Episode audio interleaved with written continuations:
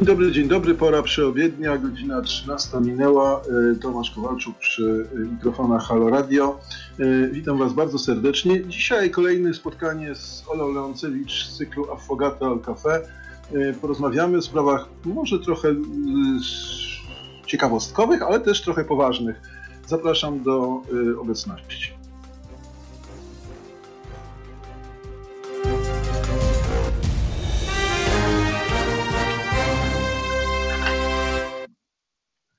No właśnie. No właśnie, pora taka, y, pora taka y, zaokienna, bym tak powiedział, i też przyobiednia. Może już jesteście po obiedzie i zastanawiacie się, co, co po tym obiedzie sobie zafundować y, takiego z serotoniną. Chyba to jest taki, taki odpowiedni, odpowiedni hormon, który, który dodaje trochę szczęścia. Olu, czy ja dobrze powiedziałem? Dzień dobry, Olu. Dzień dobry, dzień dobry, dzień dobry Państwu. Serotonina dodaje sero... szczęście, to na pewno. Aha, no widzisz, no to bardzo dobrze. Ty na pewno lepiej wiesz, co dodaje szczęścia, e, więc, e, więc e, wierzę ci na słowo, ale też, też, też tak myślałem, że serotonina. No o tej porze roku trudno o serotoninę na ulicach. W związku z tym, w związku z tym myślę, że można sobie jakoś umilić życie w sposób, e, e, w sposób jakiś, e, nie chcę powiedzieć sztuczny, no bo to też jest przecież naturalna słodycz, ale no, no nie taki zaokienny, tylko raczej w domu, w fotelu, w, w, wpatrzeni sobie głęboko w oczy albo przytuleni. No, nie, nie idźmy dalej tym, tą drogą, bo, bo wtedy już zupełnie będziemy zmierzali do, do innych rejonów przyjemności. Myślę oczywiście o naszym Affogato al Café. Przypominam e, Wam wszystkim, e, tym w szczególności, którzy nie słuchali naszych programów poprzednich, że Affogato al Café to jest taki e, bardzo uniwersalny jednak, ale bardzo włoski, jak Ola twierdzi przynajmniej, a ja jej wierzę, deser albo taka słodycz, bo nie wiem, czy koniecznie musi być deser włoski, który składa się z niewielkiej ilości kawy i dużej ilości lodów, E, w takich proporcjach, które by umożliwiły e, jedzenie tych lodów e, właściwie nożem i widelcem, a przynajmniej łyżką. Dobrze, bo teraz tutaj Ola poprawi, że nożem i widelcem to jednak Włosi uznaliby za profanację afogato al café. I, no właśnie. Więc, a też Ola nam już mówiła, że Włosi są bardzo wyczuleni na wszelkie, wszelkie profanacje ich dań narodowych i mówią, że można sobie je nazywać jak, znaczy robić jak się chce, ale nazywać to trzeba je dokładnie tak jak w przepisie. Dobrze mówię, Olu? To znaczy raczej tak, że jeżeli robisz jakieś profanacje, to sobie rób, ale już nie mów, że to jest afogato no właśnie. danie. Tak. No właśnie, to, to, to... Mhm. No właśnie tak, tak myślałem. No właśnie, y, y, rozmawiamy sobie w takim razie przy Affogato al Café. Y, tak się zastanawiałem, czy Affogato al Café jest bardziej, bardziej rozgrzewające, czy bardziej E, czy bardziej ochładzające, bo z jednej strony mamy gorącą kawę, z drugiej strony mamy zimne lody, więc e, nie wiem, czy na tę porę roku to Affogato al Café jest e, mm, właśnie na rozgrzanie, czy na ochłodzenie. Ja rozumiem, że gdybyśmy dodali do Affogato al Café jeszcze jakiegoś Cointreau i przeszli z, z, rejonów, z rejonów Rzymu do rejonów Paryża, to, to wtedy już oczywiście, jak powiedziałaś, nie można by było tego nazwać Affogato al Café, no ale być może wtedy nabrałoby zupełnie nowego odcienia. Nie wiem, czy próbowałaś takiego, takiej wariacji ale, Affogato tak, tak, tak, ale poczekaj, nie musimy uciekać jeszcze wcale z tych Włoch, bo wystarczy po prostu zamiast Affogato al Café zafundować sobie kafe ristretto i kafe corretto, Coretto, czyli poprawiona i właśnie do kafe Coretto tak. się dolewa grappy włoskiej, czyli wódki i wtedy już masz swój efekt rozgrzewający zapewniony. No widzisz, ja chciałem bardziej subtelnie z Cointreau, wiesz, z likierem pomarańczowym. E, tak, taki, tak myślałem, że to jak grappa, to już rzeczywiście, e, wiesz, prawie jak wyborowa e, do, do, do, do, tego, do tej kawy. No dobrze, ale to jak widzicie, tak? Myślę, że wszystko jest kwestią proporcji raczej niż samego faktu, co tam wlejemy. Bo tego tam dużo, we włoskiej wersji ta filiżanka jest mała, więc za dużo się nie zmieści. Rozumiem, rozumiem. No tak, my jesteśmy, widzisz, to jest dobry trop, Olu, dlatego że my raczej jesteśmy przyzwyczajeni do picia kawy w dużych kubkach, nie, nie w takich naparstkach, e, które się nam kojarzą, e, kojarzą z taką minimalną liczbą, ilością mocnej kawy z wodą do tego, więc, więc proporcjonalnie tego, tej grappy czy czegokolwiek innego w polskiej wersji będzie więcej, co to wydaje się, że Polakom by się bardziej spodobało. No możemy to zawsze tłumaczyć naszym klimatem, bo jednak słońca u nas, od tego zacząłeś, od tej serotoniny i że za oknem nie za bardzo, Aha. więc chcemy się zawsze wybronić, że mamy inne potrzeby po prostu używania. Ale wiesz co, jeśli, jeśli grappa czy afogata al cafe ma być substytutem słońca, e, to ja teraz takie rozumowanie przeprowadzę. Grappa jako substytut słońca, tak jak zasugerowałaś, a słońce jest dostarczycielem witaminy D, a witamina D jest, y, y, już wszyscy lekarze są zgodni, bardzo istotna, jeśli chodzi o prewencję przeciw, y, przeciw koronawirusowi, bo daje odporność. Ergo, jak myślisz, wniosek jaki jest? Nie, nie, tego nie powiem. Wiesz, to jakaś tutaj zachęcanie. Nie, ja, ja, ja, ja zachęcam, ja zachęcam do affogato. E, ja nie wiem, co ty miałeś na myśli, ale ja zachęcam do affogato zarówno w wersji, e, w wersji do picia, jak i w wersji naszej do słuchania. No dobrze, e, więc w każdym razie bardzo was zachęcamy do tego, żebyście sobie zrobili affogato al café mówiąc e, już jednak mniej, e, mniej figlarnie, że tak powiem, albo na granicy, na granicy ustawy o wychowaniu w trzeźwości, to mm, czy jak ona się tam nazywa, nie pamiętam, ale chyba tak jakoś, to Afogata al Cafe jest rzeczywiście znakomitym, znakomitym poprawiaczem humoru. Tylko tak jak mówię, postarajcie się zrobić naprawdę mało mocnej kawy i do tego sporą, sporą porcję lodów ja na przykład muszę ci powiedzieć, to też nie wiem, to o widzisz, to też jest pytanie do ciebie, e, czy to, ma, czy to muszą być tak, jakieś lody, czy one muszą być takie neutralne typu śmietankowe czy waniliowe, czy na przykład może być tiramisu albo jakieś kawowe, albo, albo na przykład bananowo-czekoladowe, e, bo, bo powiem ci szczerze, zrobiłem sobie ostatnio z, z taką wersją stracciatelle, jak to się ładnie mówi, nie wiem, czy to dobrze wymawiam, bo to chyba też z Włoska. Bardzo ładnie wymawiasz, bardzo ładnie. Och, no widzisz, tak liczyłem na ciebie. E, I, e, i, mm, i było bardzo dobre. E, więc nie wiem, czy Włosi mają jeszcze jakieś wymagania takie, wiesz, patentowe do Afogata al Cafe, jeśli chodzi o smak lodów, czy, czy nie? Bo u ciebie piliśmy, pamiętam, chyba normalne waniliowe.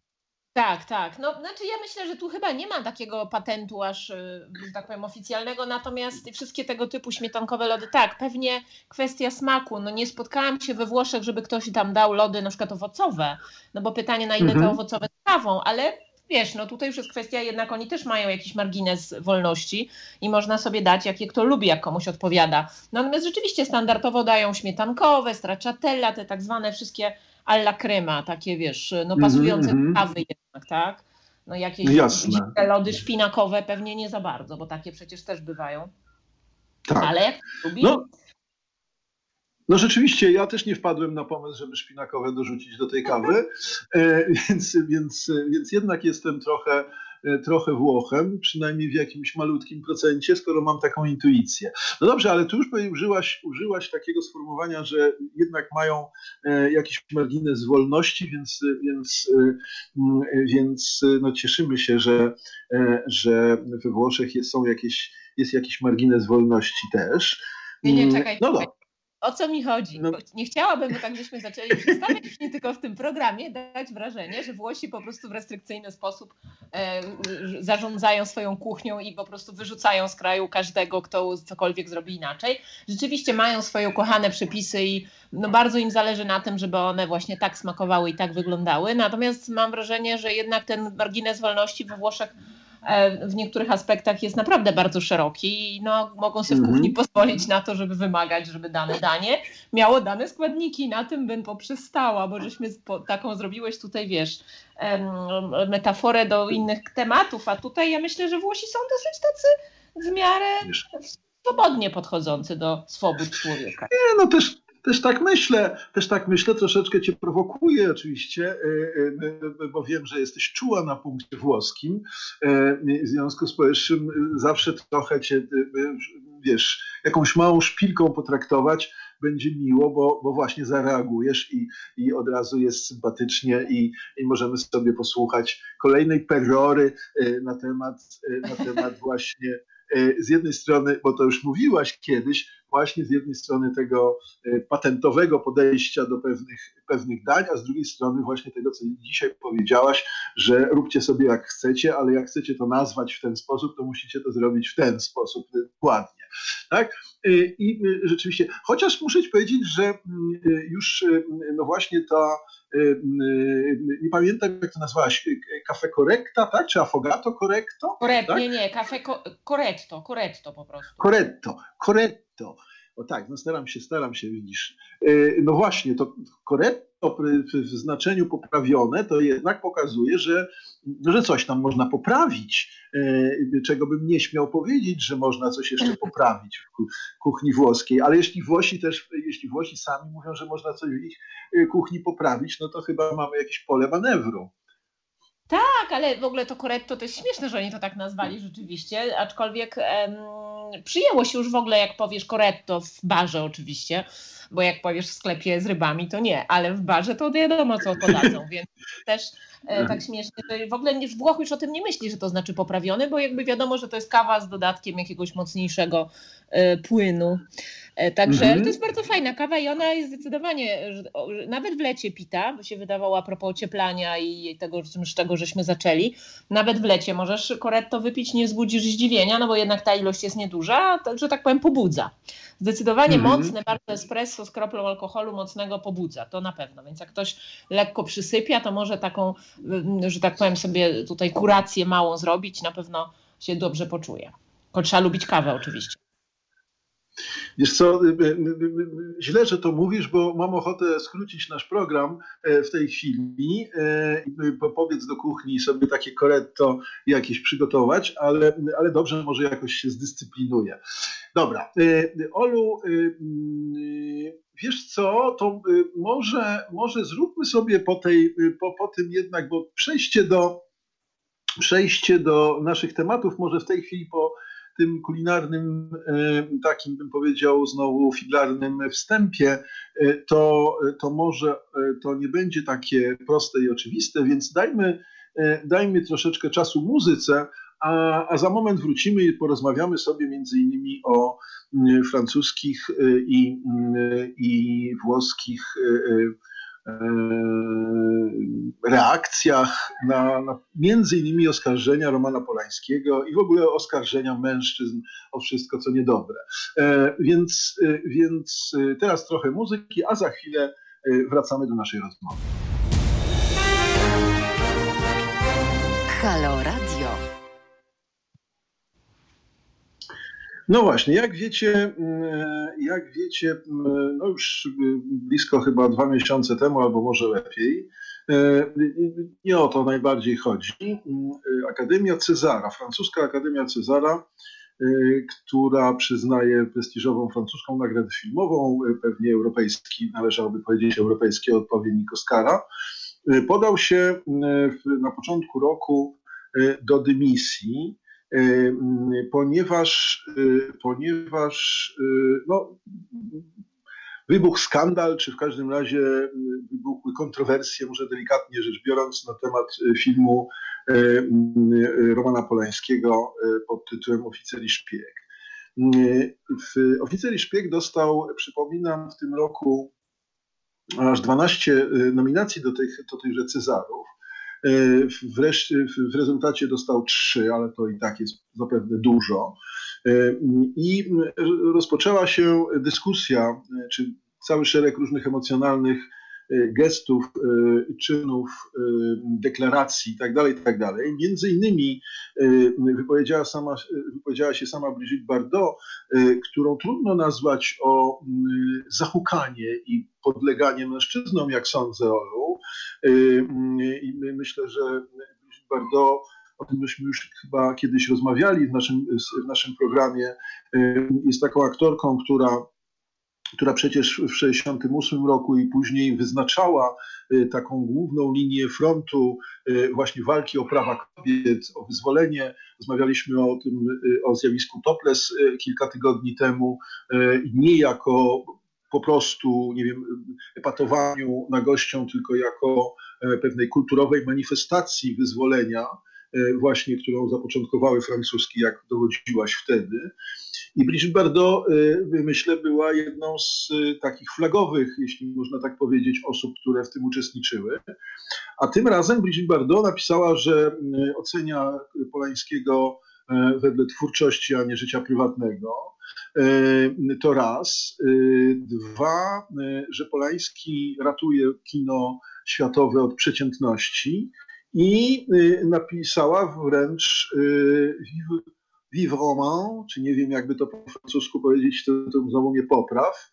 E, e, także e, no, bardzo pochwaliła, pochwaliła Polańskiego.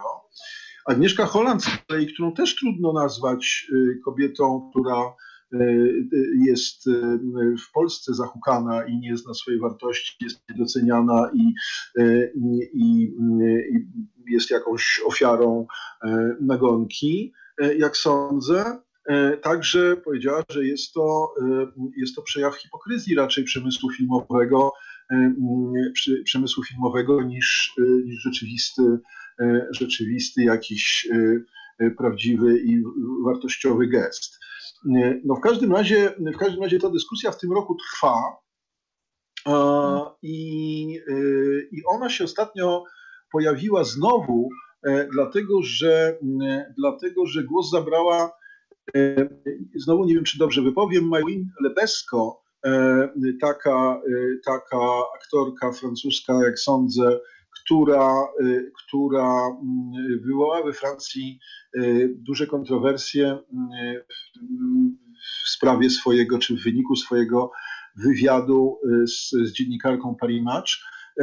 Ponieważ skrytykowała działalność francuskich feministek, między innymi właśnie na podstawie, na podstawie Polańskiego, czy jako przykład tu użyła Polańskiego, mówiąc o tym, że, że musimy przestać, że wszyscy mężczyźni są zboczeńcami w tymże wywiadzie i powiedziała też, że, od, że ofiara Polańskiego od 40 lat prosi tylko o jedno, żeby zostawić ją w spokoju. E, I, to, e, I ten wywiad odbił się szerokim echem we Francji, nie wiem jak we Włoszech, ale, ale, ale, wyglądało. Majwin Lebesko jest e, prywatnie żoną Lika, Lika czy była żoną Lika Była, była. Mhm, Właśnie. Tak, tak. A poznali się, to też może być ciekawe, gdy ona miała 12 lat, a on 29. W związku, w związku, z tym, w związku z tym myślę, że e, jakby to powiedzieć, wie o czym mówi, e, kiedy, kiedy, o, tym, kiedy o tym opowiada. E, z drugiej strony mamy gesty, z drugiej strony mamy gesty, z drugiej strony mamy gesty, na przykład minister kultury Francji, która powiedziała, że no, rozumie i ona by wyszła z sali, gdyby te gdyby te statuetki zostały Polańskiemu wręczone w jej obecności. E, więc, e, więc te, ta, ta, ta dyskusja, e, zresztą w Polsce też miała swoje, swoje odzwierciedlenie w wielu, w wielu wypowiedziach, między innymi na przykład Magdy Środy. I, tak, ale nawet ona... wiem, czy pamiętasz, przepraszam, że tak ci wejdę w słowo, była też cała była powiedzmy afera, jak Polański był zaproszony do Akademii Łódzkiej i tak. pojawił się list protestacyjny nawet studentów właśnie związany z jego przeszłością, że sobie nie życzą, więc to właściwie, wiesz, ta sama i to już od strony studentów, taka sama sytuacja, taka sama dyskusja. Yy, no i odpowiedź, o ile dobrze pamiętam w tej wtedy, yy, rektora szkoły, że jednak no, Polański jako ikona kina wydaje się dyrekcji i wszystkim na tyle istotną postacią, że uznali, że go zaproszą, a nie zaprosili go na debatę na temat moralności jakiejś, tylko na temat filmów, tak? Nie mówiąc już tak. o tym, że dodam i powiedzmy szczerze, że ten temat i mm, trwa, zobacz ile lat już, mm -hmm. kiedy to było. to lat temu było, czyli ta, ta jed... ja nie mówię, ja broń Boże, nie bronię sytuacji, natomiast on jakby przez tą jedną sytuację, która gdzieś tam się wydarzyła lat temu X, no do tej pory zobacz, jak się wzmogły, powiedziałabym, te dyskusje. Mam wrażenie, że w latach 90. było znacznie ciszej na ten temat, parę filmów zrobił i teraz wraz pewnie z MeToo i z całą falą MeToo, która już jakiś czas trwa, e, dyskusja wróciła i, i cała historia mm. wróciła i podejrzewam, że to musi być męczące dla ofiary bardzo. Mm, e, I, i, I, dla niego, i dla rodziny, i dla wszystkich, tak? No właśnie, e, no właśnie no po wyczytaniu zwycięzcy w, dzisiaj, w, tym, w tegorocznych Cezarach właśnie w Salle Player rozległo się buczenie, a niektórzy z gości nawet opuścili salę.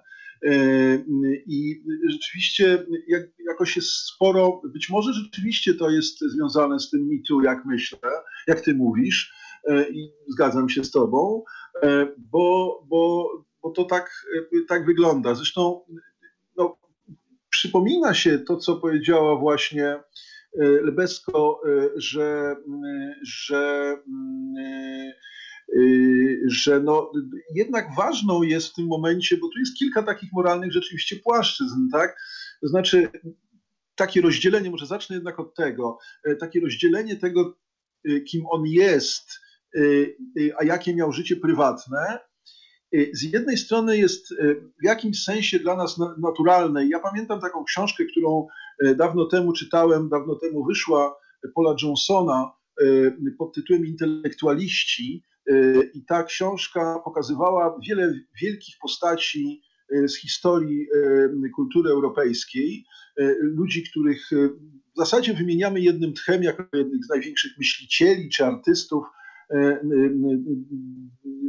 wielu wieków w Europie, kultury europejskiej wielu wieków, którzy byli no, małymi, bardzo niesympatycznymi, delikatnie mówiąc, ludźmi w życiu prywatnym. E, mhm. I, I, taki rozdziew, ja już nie mówię o Heideggerze na przykład, e, który jest mi osobiście bardzo bliski i jego związkach na przykład z faszyzmem i z Hitlerem. Tak, e, czy powiedzmy zauroczenia niektórych intelektualistów francuskich, w szczególności Stalinem, a, a, a też nieintelektualistów w rodzaju, w rodzaju Depardieu, jeśli już jesteśmy, jeśli już jesteśmy w, w kinie. Tak? E, więc no, z jednej strony mają ogromną słabość do Rosji, zresztą od, od, od, od, od dawna zauważ. Wiesz co, Francuzi mają e, ogromną słabość do Rosji, bo z powodów historycznych, jak sądzę, ja o tym wiele sobie myślałem swojego czasu. Myślę, że dlatego, że po prostu Francuzi, no, no podobnie jak Niemcy, Niemcy też mają słabość do Rosji, to inną, innej natury generalnie rzecz biorąc, no po prostu się przespacerowali y, y, kawałek y, po Rosji, szczególnie w zimie i nie, nie wyszło im to specjalnie na zdrowie, mówiąc najprościej. W związku z tym te, te, te, ten, ten, ten klaps historyczny, szczególnie takim imperium jak Francja, dobrze wyszedł. Tak? To znaczy Francuzi pamiętają tego klapsa jednak, bo na, na tyle mocny, że już Francuzi nie bardzo potrafią sobie zracjonalizować to i, i, i zapomnieć o tym i, i wiesz, i przejść do porządku dziennego. Ale to jest jakby marginal, marginalny temat w tej chwili, ale masz rację oczywiście, masz rację. E, to jest taki, mm, e, to, to, to jest bardzo ciekawy temat, który otworzyłaś. Nie wiem, czy, czy miałaś świadomość tego, że otwierasz niedobry temat dla mnie, bo, bo, bo się mogę rozgadać. Mianowicie taki sam jak z wkroczeniem polskiego, cesar, polskiego poselstwa do, do Paryża i z, z, pod, w, w zaczęciu z koni podkutymi złotymi podkowami, które, które e, konie polskiego poselstwa gubiły, specjalnie wzbudzając zachwyt dla wielkiego mocarstwa, e, jednak jakby powiedzieć, może nie azjatyckiego, ale jednak poza granicami cesarstwa, cesarstwa wywodzącego się z cesarstwa rzymskiego to wydaje się, że to jest ta tradycja. Tak? Teraz Polska przestała taką funkcję pełnić, ale kiedyś pełniła taką samą funkcję jak dzisiaj Rosja, jak sądzę, w dużym przybliżeniu. Zostawmy ten temat jeśli nie masz tu jakiegoś. Nie, absolutnie, bo uciekniemy od tego, o czym tutaj warto porozmawiać. O, o, o tak, tak, tak, tak. No więc, więc wracając do rzeczy, z jednej strony mamy taką tendencję moralną, żeby właśnie to dzielić, tak jak mówi chociażby Agnieszka Holland, że, że to, że, żeby to oceniać, czy właśnie Lebesko, żeby oceniać, czy tak jak teraz ty mówisz, jeśli powołując się na Łódź, żeby oddzielać dokonania od moralności, E, z drugiej strony no, mamy jednak pewien dyskomfort, tak? To znaczy, e, no, no chcia, chciałoby nam się, żeby ci ludzie, którzy są dla nas jakimiś autorytetami, e, no, byli tymi autorytetami w całości, a nie tylko w sposób jakiś deklarowany, tak? Więc, więc mi się wydaje, że to jest coś tutaj, na co warto zwrócić uwagę. I druga rzecz, na już, już kończę, teraz, teraz ty się przygotuj do dłuższej wypowiedzi. I druga rzecz to jest to, co podkreśla Lebesko, to znaczy i to, co się podkreśla zawsze, tak jak mówiłaś, że ten temat wraca co trochę, y, co się podkreśla zawsze, mianowicie stosunek samej ofiary, tak? która, y, która wielokrotnie już właśnie mówiła, że odczepcie się, że, że myśmy sobie już to wyjaśnili, my, my, my już mamy to przepracowane i załatwione y, i w związku z tym mamy też takie wrażenie dzisiaj, że kiedy poszczególne osoby, te, które wymieniałem, do tego wracają, czynią z tego jakieś pole y, czy jakichś gestów, y, no trochę to robią y, instrumentalnie, mówiąc najprościej. Tak? Z jednej strony my to rozumiemy, z drugiej strony jest to jednak traktowanie instrumentalne. Z jednej strony nie podoba nam się to, co zrobił Polański te 10 lat temu, E, z drugiej strony, e, z drugiej strony zaczyna być taki paradoks, o którym ja bardzo często mówię, że ktoś, kto jest, e, kto był wyraźnie, czy można by go bardzo wyraźnie potępić, zaczyna stawać się ofiarą. Wiesz o co chodzi. W pewnym momencie tak, zaczyna tak. stawać się ofiarą, ponieważ, ponieważ jeżdżenie na nim no, kolejny, kolejny raz czołgami Y, różnymi innymi walcami y, y, opinii publicznej światowej, no już jest kompletnie nieadekwatne do, do sytuacji. No, ja nie chcę otwierać dyskusji w tej chwili, czy ja to bagatelizuję, czy nie, ale szczególnie z mężczyzny, dlatego chcę, chcę poznać Twoje zdanie. Natomiast wydaje się, że jest taka granica, za którą człowiek oskarżony, za ostro traktowany, staje się ofiarą. E, bo, bo cierpi za bardzo i nasze poczucie sprawiedliwości gdzieś tam powinno zacząć cierpieć. Dobra, ja się już zamykam, teraz bardzo proszę e, skomentuj to e, swoim wzrokiem, szczególnie kobiety właśnie. Dobrze, tu parę rzeczy żeś poruszył, które mi przyszły do głowy. Jedna z rzeczy, od tego może zacznę, bo mówiłeś, że oczekujemy rzeczywiście od tych osób, które coś tworzą, które są w jakiejś dziedzinie, osiągają sukcesy, pełnego bycia takim autorytetem. I e, spójności. Tak, ale to jest taki błąd mhm. moim zdaniem już w założeniu.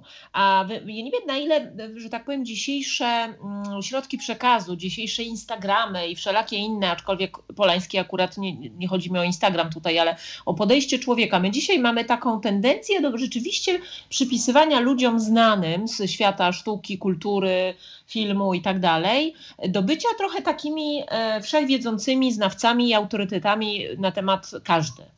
E, I to się potem przekłada na takie traktowanie, o czym ty właśnie tu mówisz, że e, no, oczekujemy, że są idealni, zapominamy, że rzeczywiście wiele osób z przeszłości, które, których książki czytamy do dzisiaj, czy muzyki słuchamy w życiu prywatnym, ja już nie mówię o takich poważnych zarzutach jak powiązania z Hitlerem, czy, czy uwielbienie dla Stalina, ale po prostu mogli być na przykład, no, no nie wiem, niewiernymi mężami, nie wiem, no, mieć jakieś drobniejsze, powiedziałabym, wykroczenia na swoim sumieniu. I dzisiaj byliby za to potępiani, a że o tym nawet często nie wiemy aż tak szczegółowo, to ich gdzieś tam wielbimy, czy ich dajemy za przykład. I zapominamy, że ci dzisiejsi y, również mogą mieć i znowu ja absolutnie nie chcę wchodzić w dyskusję, czy dobrze, czy źle, czy jakby nie chodzi mi o sam, to jest fakt, to co się wydarzyło w życiu Poleńskiego, natomiast o podejście dzisiaj. I nie wybaczamy do końca i wręcz spotykałam się z takimi głosami, z którymi zawsze polemizowałam, gdzieś tam prywatnie, że ktoś mówił, ja tego filmu Polańskiego nie będę oglądał, bo to jest taki i owaki, nie będę tutaj cytować. I ja zawsze mówiłam, dobrze, mhm. ale ja, ja jakby mnie interesuje film w tym momencie. Ja tutaj się skłaniam i, i cieszę się, że padły takie głosy, właśnie takie głosy jak Bardot, na przykład, że, no, że jednak to mówimy o filmie i przyznajemy mu nagrodę za film, a nie za jego życie, e, że on w tej kinematografii jest postacią ważną i tego nikt mu nie odbierze.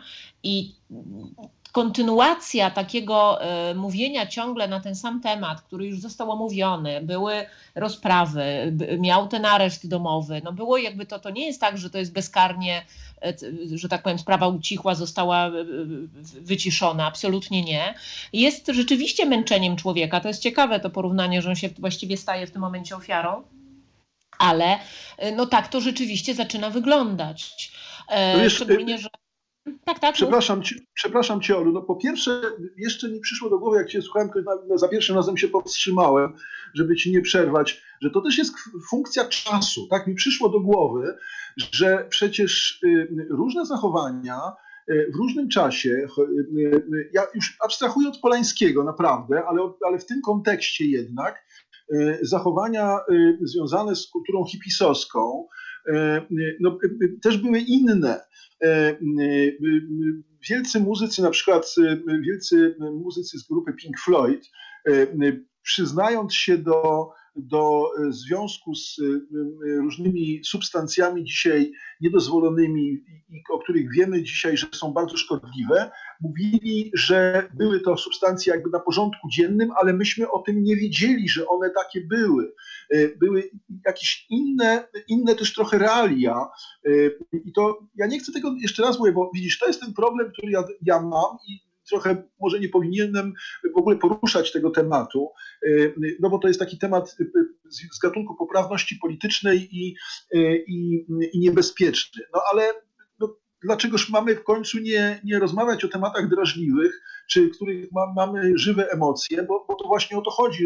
Rozmawiajmy o takich tematach i starajmy się słuchać naszych argumentów i się zastanawiać, a nie uciekajmy od tych problemów, bo to tylko nam szkodzi, myślę. I teraz, żeby jeszcze powiedzieć o tej ofierze, to jest taki mechanizm, który jest bardzo istotny. To widać na przykład na dzieciach, e, ale nie tylko. Nawet i w sali sądowej, jeśli byśmy komuś e, zaordynowali 10 lat więzienia za jechanie autobusem biletu, to y, w pewnym momencie, to, to przecież wszyscy by natychmiast powiedzieli, y, że jest to kompletnie niewspółmierne do, do tego, co on zrobił, tak? Albo jeśli dziecko, które coś, coś przeskrobie, dostaje tam zakaz nie wiem, wychodzenia z domu, wymyślam w tej chwili na miesiąc, czy cokolwiek innego, to zaczyna czuć, gdzieś wewnętrznie zaczyna czuć, że został skrzywdzony. I, on, I to dziecko nie czuje swojej winy, Y, albo przynajmniej już ją, już nie o tym myśli, tak? Nie, byłby skłonny myśleć, że on rzeczywiście źle zrobił i by,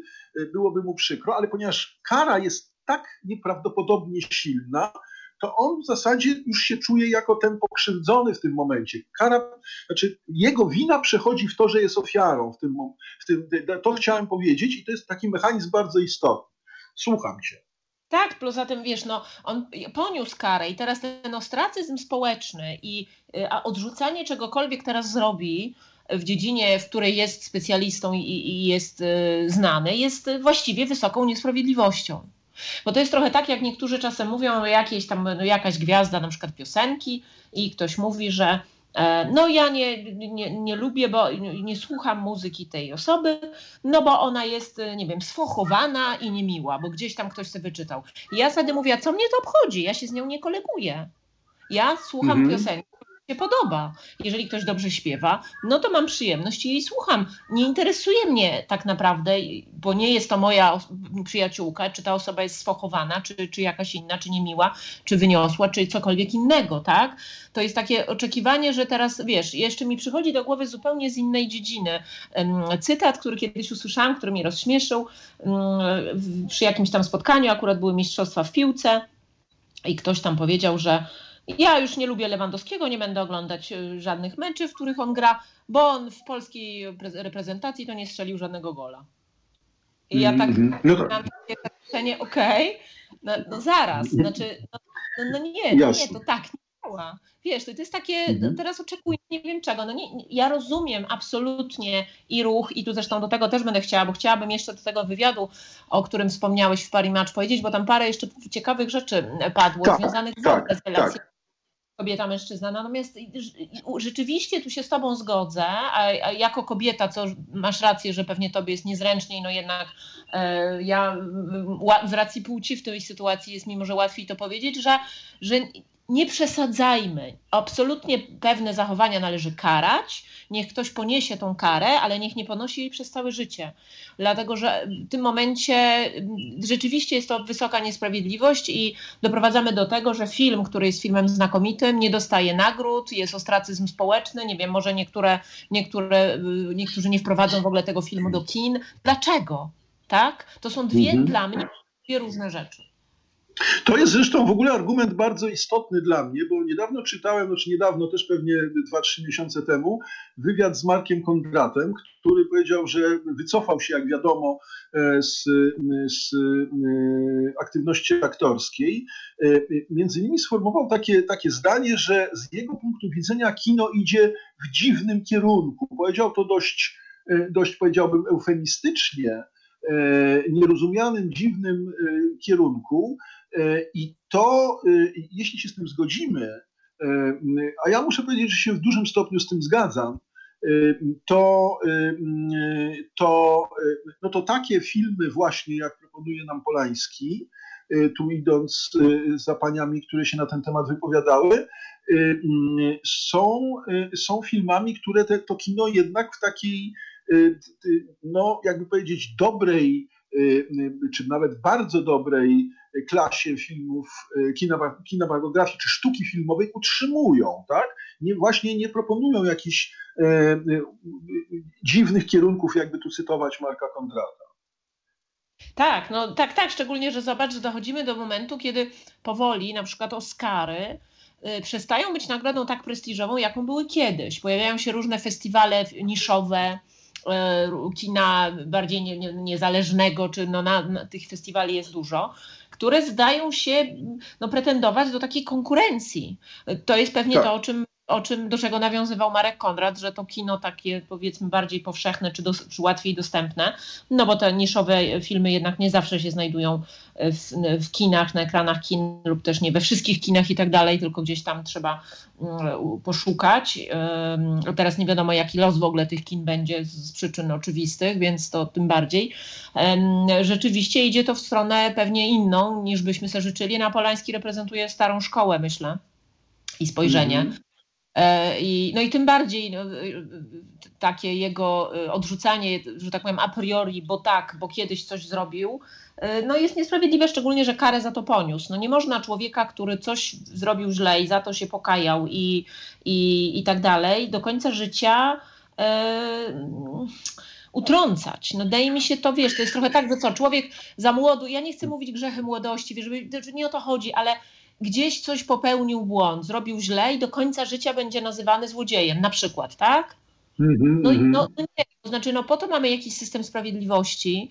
Ja myślę, że to jest też europejskie, bo teraz mi tak przychodzi do głowy jakaś taka filozofia, która jednak myślę w Stanach trochę inaczej. Nie wiem jak w tej chwili, ale tak kiedyś było, no może dlatego, że w ogóle Stany Zjednoczone, że tak powiem, pierwotni mieszkańcy składali się raczej z ludzi niekoniecznie o wysokiej e, kulturze moralnej, to jednak tam jak ktoś wychodzi z więzienia i mu się w życiu ułoży, to się go pokazuje tak. jako przykład.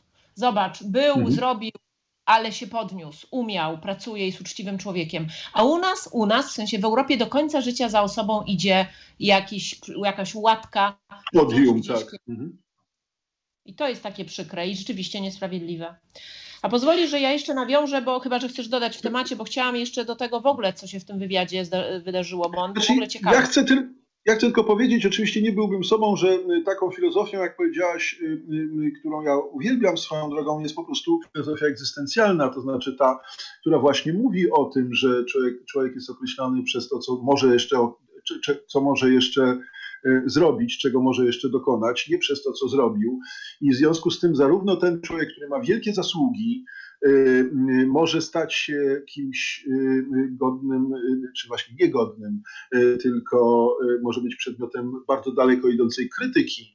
I to, że coś zrobił kiedyś dobrego, nie daje mu nie daje mu takiego, takiego, wiesz, takiego kapitału, który bardzo wielu ludzi powołując się na to, że nie wiem, na przykład było internowanych albo y, y, zdobyło kiedyś medal olimpijski albo coś takiego, uważa, że do końca życia należy, należy się mu szacunek za to, co zrobił 20 lat temu. Nie, y, chociaż należy mu się pamięć i i, i pochwała za to, bo jeśli potem robi coś, co nie jest dobre, to, to po prostu robi coś, co nie jest dobre i odwrotnie. Zresztą tradycja nie tylko egzystencjalizmu, ale tradycja chrześcijańska o tym mówi, chociażby w figurze, w figurze nawróconego Łotra. Więc, więc ta intuicja jest przecież głęboko i filozoficzna, i religijna, jeśli ktoś chce, i, i, i, i europejska właśnie. Jak, jak mówisz, natomiast rzeczywiście my mamy skłonność odwracania się od tej, to co powiedziałaś, i, i przyjmowania takich takich zarówno pozytywnie, jak i negatywnie takich łatek, bo to nie działa tylko w tę stronę negatywne, ale również pozytywne, tak? Bo na to chcę zwrócić uwagę. To na tamto nie zwracamy może tak dużej, nie przywiązujemy tak dużej wagi. A tu tak.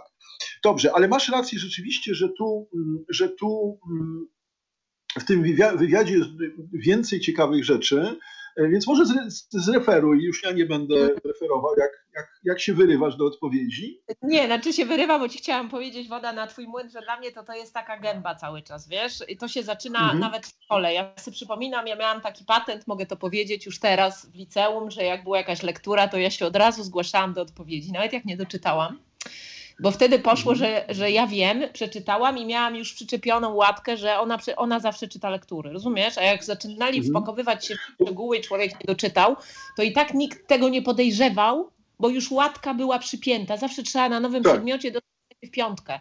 Jak dostaniesz piątki i potem nawet ci się trafi dwuja, to każdy pomyśli, a no noga się podwinęła. Strasznie ciężko natomiast, jeśli ktoś jest słabym uczniem, się tak. wydostać później i dostać te lepsze tak. ceny. I Myślę, że jako mhm. też Belfer potwierdzisz. No wracając do, wracając do tego wywiadu. Znaczy on jest w ogóle bardzo ciekawy, bo padło oczywiście y, no to sformułowanie, o którym tu mówiłeś, a propos dokładnie Polańskiego i tu wywołało to w ogóle ogromne wzburzenie y, y, feministek francuskich. Natomiast to, co, co, co, co, co mnie zaciekawiło, to na przykład zdanie, w którym, którym Mai Wen, która też jest reżyserką i, i, i jest, no, że tak powiem, bardzo, bardzo zakorzeniona i się udziela w kinie francuskim, powiedziała, że ona ma nadzieję, że mężczyźni za, na ulicy będą za nią gwizdać do końca życia. I poruszyła coś, mhm. co mnie jako temat zawsze ciekawi, bo z jednej strony my kobiety bardzo chcemy, żeby na nas mężczyźni zwracali uwagę, nawet na ulicy, że ładnie wyglądamy, że jesteśmy atrakcyjne, ładnie ubrane i tak dalej, a z drugiej strony się oburzamy, że to jest seksizm i e, że, że my jest, jako feministki sobie nie życzymy. No i tu złapanie balansu i równowagi ona jakby powiedziała coś, czego do tej pory, długo, może nie do tej pory, ale długo nikt, żadna z kobiet nie mówi. Częściej się spotykamy jednak z głosami feministek walczących, e, które zdają się chwilami zapominać, że no, jesteśmy tymi kobietami i jednocześnie jakby jak kiedyś to powiedział Andrzej Żułaski, że najbardziej, i to bardzo kontrowersyjne zdanie, że kobietom feminizm bardzo zaszkodził.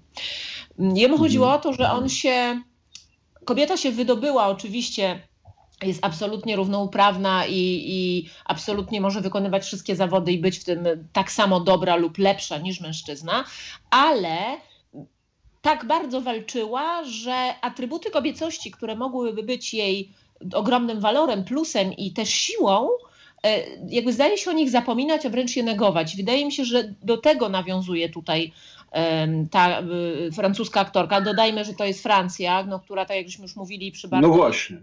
to plesie, już dawno się naprawdę kobiety tam e, wyzwoliły i dla niej na przykład to, że ktoś, no ona użyła słowa zagwiżdży na ulicy, no w znaczeniu zwróci na nią uwagę, nie jest powodem do tego, żeby się obrazić. E, czyli mhm. tak jakby taki, no troszkę coś takiego, taki balans, który jest strasznie trudny do utrzymania. I jeszcze coś powiem, teraz ja chwilę pogadam, bo trafiłam chyba wczoraj czy przedwczoraj na jakiś artykuł, e, w którym była taka teza stawiana przez socjologa, że za jakiś czas do, doprowadzimy do buntu mężczyzn.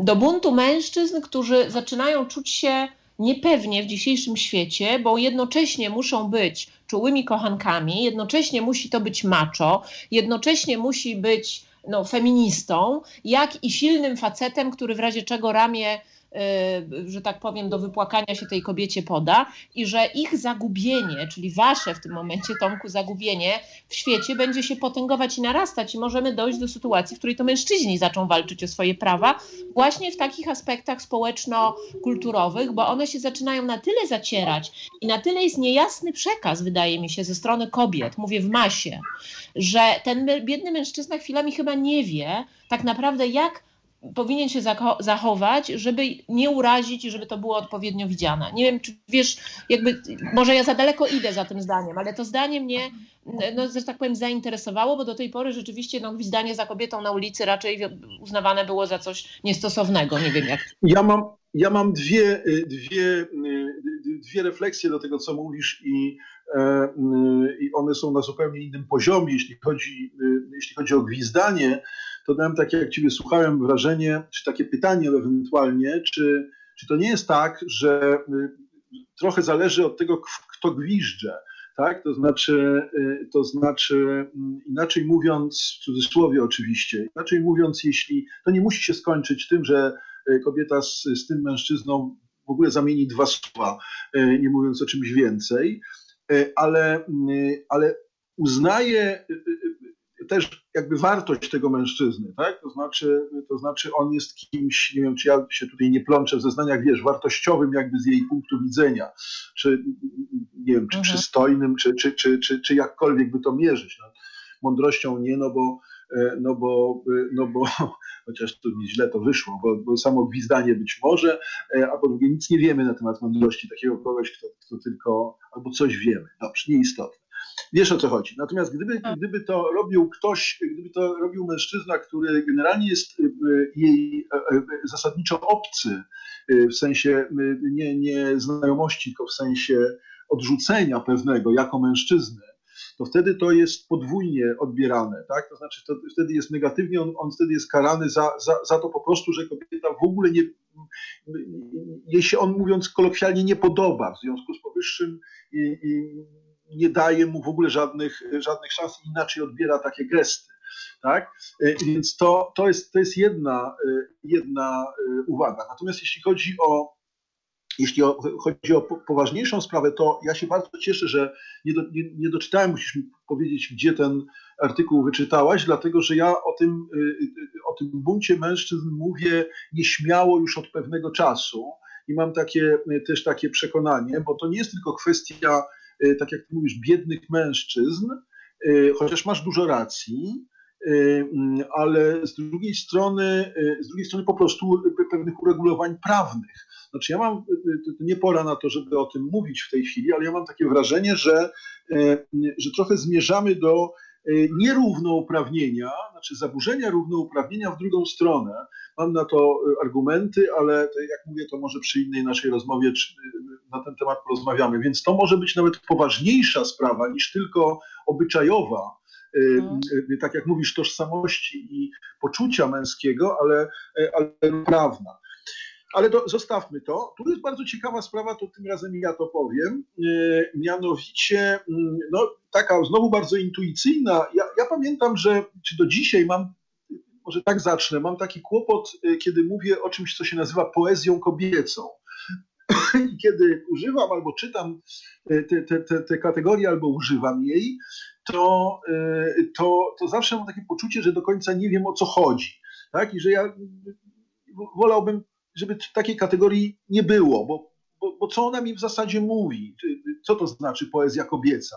na czym polega ten właśnie wyznacznik kobiecości w, w, w, tej poezji? Czy to jest jakiś specyficzny rodzaj tematyki, czy jakaś specyficzna wrażliwość, czy czy może idźmy dalej i powiedzmy, że ona jest lepsza lub gorsza? E, czy... Ale to, to w książkach, przepraszam, się tak mówi, zauważ, mówi się, że książki dla Wiem. Tak, no więc właśnie, no więc właśnie, literatura kobieta. I to jest wiesz, taka sugestia jak tej e, Emilii Korczyńskiej z Nadniemnem, e, prawda, że ona tam siedzi i czyta te harlekiny, to jest oczywiście XIX wiek, więc to jeszcze harlekinów nie było, ale były XIX-wieczne harlekiny, romanse, które, które i to jest taka kategoria właśnie, no, dlatego powiedziałem, że w ekstremalnej wersji to, to, to, to kobiecość tej poezji jest y, takim stwierdzeniem, że dobra to jest ta druga klasa. Dobra poezja kobieca. No, no w ogóle to nie jest poezja jako taka, tylko ona jest kobieca i w związku z tym nawet jeśli o kimś powiemy, że to jest dobra poetka, y, no to no tak, ona jest dobrą poetką, ale to jest dobra na, na wiesz, w konkurencji kobiet. I generalnie mi się to potwornie nie podobało nigdy. Y, nie znoszę tego określenia. Uważam, że, że tak kompletnie być nie powinno. Tak? Jest po prostu poezja dobra i zła, e, e, z taką emocjonalnością czy z inną emocjonalnością, z taką wrażliwością czy inną wrażliwością może być męska i kobieca w sensie autorstwa. Dlaczego ja o tym mówię? Dlatego, że domyślasz się na pewno, ponieważ w tym artykule, w tym wywiadzie jest również poruszony ten e, fragment, ten motyw, tak? Znaczy, e, Majwen powiedziała, że ona by wolała jednak, e, że ta powracająca, że nawet się nazwała antyfeministką i powiedziała, że rozumiem, że też trochę prowokacyjnie w tym sensie, ale z drugiej strony powiedziała, że powracająca debata wokół braku reżyserek na festiwalu w Cannes E, wydaje się zupełnie absurdalna, bo nie chodzi o to, żeby wybrać osobę ze względu na płeć, ale ze względu na jakość filmu. Tak? I idziemy do tego. Na to jest odpowiedź, bo ja teraz muszę powiedzieć tak, że na to jest odpowiedź jeszcze jedna. I tu ewentualnie jest pewien znak zapytania. Nie wiem, czy go e, potwierdzisz, czy dostrzegasz. Mianowicie, że na to wiele osób mówi tak, e, wszystko byłoby w ten sposób, gdyby kobiety miały ten sam dostęp do możliwości robienia filmów. To znaczy przesuwa się wtedy ten problem i się mówi tak, że wszystko by było dobrze, ale kobiety po prostu y, nie robią filmów, y, ponieważ są przez mężczyzn niedopuszczane. Znaczy są niedopuszczane w domyśle przez mężczyzn, powiedzmy w mhm. ten sposób. To się mówi tak samo o polityce, tak samo o biznesie i tak dalej, i tak dalej, że kobiety były znakomitymi prezesami firm, znakomitymi posłankami albo prezydentami i tak dalej, tylko mężczyźni, znaczy, że tylko są mechanizmy, które ich nie dopuszczają, a największym mechanizmem z tych mechanizmów jest mężczyzna. I, i i w związku z tym to jest argument jakby przeciwny, tak? bo co do zasady ja byłbym tego samego zdania, ale wtedy mi ktoś mówi, że a bo ty mówisz z pozycji męskiej, tak? Tobie, e, ty, ty, e, ty masz taką świadomość, że możesz wszystko. Jak chcesz być tym, to jesteś tym. Jak chcesz być tamtym, jak chcesz zrobić film, to wszyscy uważają, a kobiety tak nie mają. No i nie wiem, czy kobiety tak nie mają, czy nie. Ja się w tym momencie zawsze zamykam, e, nic nie mówię, bo nie wiem. Być może tak jest rzeczywiście. Nie wiem, co ty o tym sądzisz. No właśnie, trudno jest mi oczywiście powiedzieć, na ile jest utrudniany dostęp akurat w filmie, prawda, kobiet. Rzeczywiście też ja mam jakie mieszane uczucia na temat powiedzmy parytetów w, w nie wiem, w tak. szkółce, tak. Bo ja rozumiem w latach, w przeszłych wiekach, kiedy rzeczywiście no, edukacja chociażby nie pozwalała kobietom na pewne ruchy. Natomiast no, w tej chwili mm. jest to absolutnie e, szeroko dostępne i z drugiej strony zakładanie z góry, że musi być ileś kobiet i one no, akurat może się w danym roku nie trafią na wybitne jednostki, ale musi być, bo ma być ileś kobiet, jest bez sensu, no tu się absolutnie z Tobą zgodzę. I, i te, te, takie parytety ustalane z góry, szczególnie, że może akurat w jakiejś dziedzinie kobiety nie mają po prostu ochoty. I teraz co? Popadamy w paradoks, gdzie muszą być wybrane jakieś kobiety, tylko dlatego, że są kobietami. Ale któraś to akurat w muzyce było, nie wiem, która w tej chwili, bo nie pamiętam, ale któraś z, e, któryś z uniwersytetów muzycznych na świecie zrobił ciekawą rzecz. Zrobili przesłuchania do szkoły, na, na, na przyjęcie do szkoły do studentów bez wizji, że tak powiem, czyli takie w ciemno, że nie widać było, czy to gra mężczyzna, czy kobieta. Mhm. No i okazało się, że przyjęto więcej kobiet niż do tej pory przyjmowano. Oczywiście to znowu jest jakaś próbka mała tylko, czyli jakby sugestia jest taka, że w momencie, kiedy widzi, jury widziało y, kandydata, no to wybierali więcej mężczyzn a w momencie, kiedy ten kandydat, kandydatka byli bezpłciowi, no to więcej się pojawiło kobiet. Teraz pewnie trzeba by zrobić szereg lat badań, na ile to rzeczywiście się przełoży, a na ile jest to jednostkowa sytuacja, tak? Bo to trudno jest na poziomie jednej szkoły i jakichś tam dwóch lat, na przykład przesłuchań, coś takiego stwierdzić, ale uznano, że właśnie taką drogą pójdą. Czyli jakby sugestia była taka, że jednak mężczyźni wybierali mężczyzn do, do mhm do tej szkoły. Nie wiem, też nie wiem na ile. No w świecie muzycznym wydaje mi się, na przykład jest taki zarzut, też mi przychodzi do głowy, że w przypadku muzyków, muzyków muzyki klasycznej szczególnie, ale pewnie nie tylko, no zarzut jest taki, że w przypadku kobiet nie dość, że powinna być znakomitym wirtuozem, to powinna być również atrakcyjna fizycznie. E, tak. No mężczyzn ten element, i rzeczywiście jak popatrzysz na jakieś bardziej znane postaci muzyki y, i nie mówię tylko o kolejnych członkach kolejnych filharmonii, ale osoby, które się wybiły jako soliści, no to trzeba powiedzieć, że są to niezwykle atrakcyjne kobiety. No i też jest taki zarzut stawiany, tak? No i teraz pytanie, ja mogę powiedzieć, no dobrze, ale jest naturalne, że człowiek chce patrzeć na, jak masz ładną i brzydką osobę, przepraszam, znowu wbijam kij w mrowisko, no to y, przyjemnie jest patrzeć na ładną niż na brzydką. No jest to fakt, jest. No i co teraz z tym faktem zrobimy? I rzeczywistość, publiczność wybiera zarzucimy publiczności, będziemy robić to, co zrobili w liniach lotniczych w Stanach w ramach parytetu. Była jakieś w ogóle y, absurdalne sytuacje, gdzie na stewardesy wybierano y, y, jakoś, nie wiem jak oni to wyliczali, tyle samo szczupłych, co tyle samo grubych. No, no, no dochodzi do jakichś paradoksów, tak? Mhm. Świat się zapętla.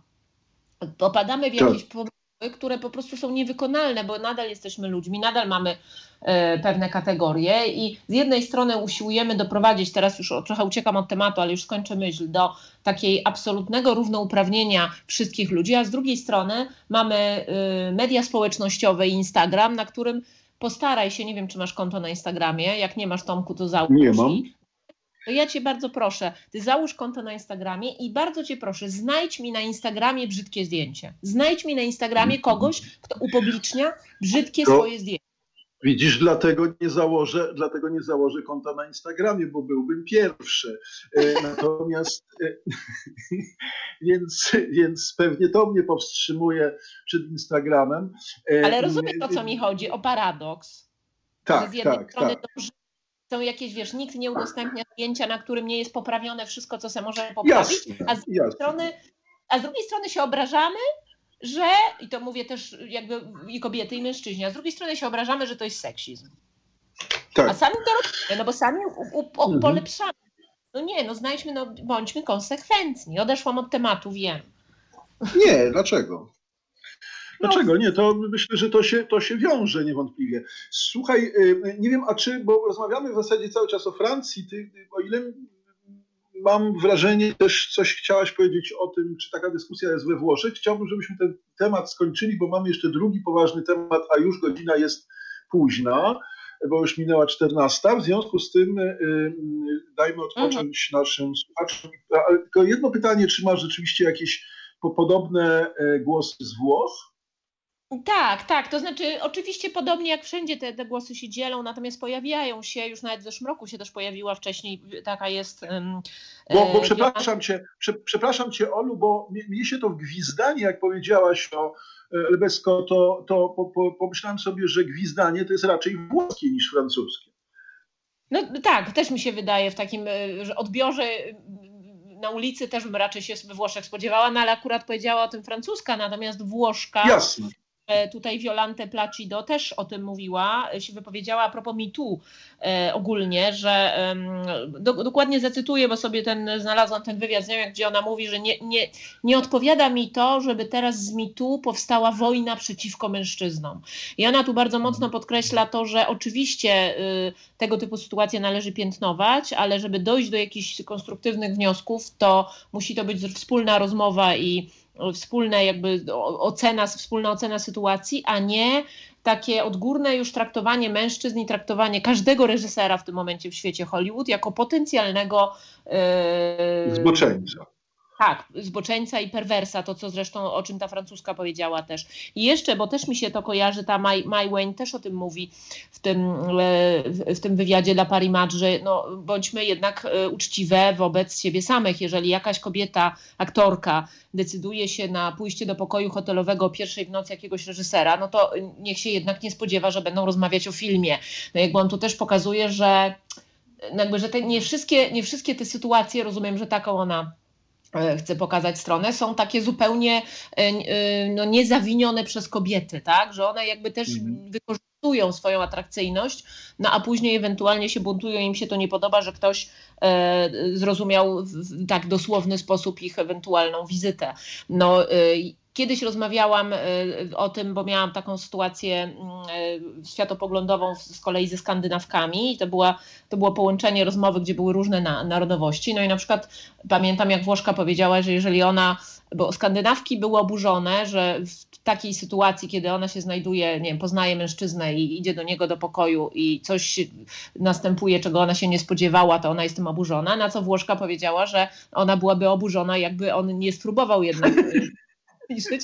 No i ja się tutaj trochę z nią zgadzam, no bo y, no przekaz jest jasny, to są kwestie kulturowe, tak? No co tak. jest sygnałem w jakim kraju, więc e, to ona troszkę do tego tu nawiązuje, ta francuska i włoszka, już tak zamykając, bo wiem, mm. że mhm. mamy tutaj jeszcze temat, tak. też na włoskie, w włoskim tym sztuce i świecie kultury i aktorek się takie głosy też pojawiają, że żeby nie zrobić teraz nagonki i wojny przeciwko mężczyznom z założenia, że już wszyscy są źli i wszyscy są perwersyjni, bo to też nie o to chodzi.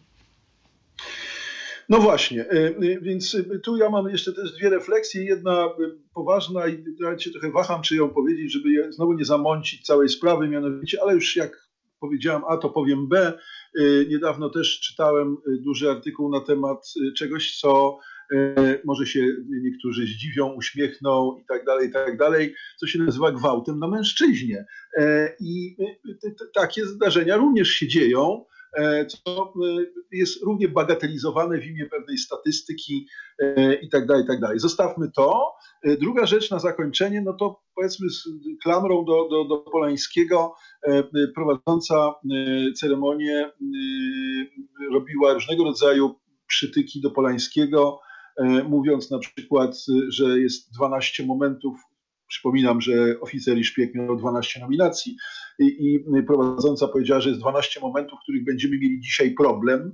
E, no, e, dalej mówiąc też e, o, o tym, że nieobecny reżyser, że przepraszam, że jesteśmy na ceremonii skazańców, więc i oprawców, więc no, to gdzieś tam jednak, jak sądzę, Y, już przekracza, y, przekracza pewne granice i jest takie niesione, y, niesione, niesione pewnym nurtem w zasadzie słusznym, bo my napiętnujemy oczywiście takie zachowania męskie, ale z kolei no, mocno, mocno przyrysowane. Dobra, zostawmy to mm, Zostawmy to e, na boku i e, przejdźmy do, przejdźmy do, e, do muzyki, a potem do drugiego tematu.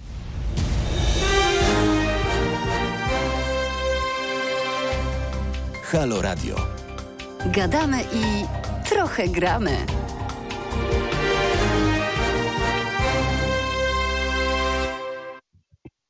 już mamy prawie kwadrans po godzinie drugiej po godzinie 14 dokładnie rzecz biorąc.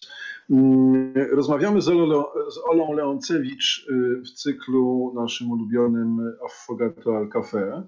Mm, no, czytam, czytam wasze komentarze. Mm,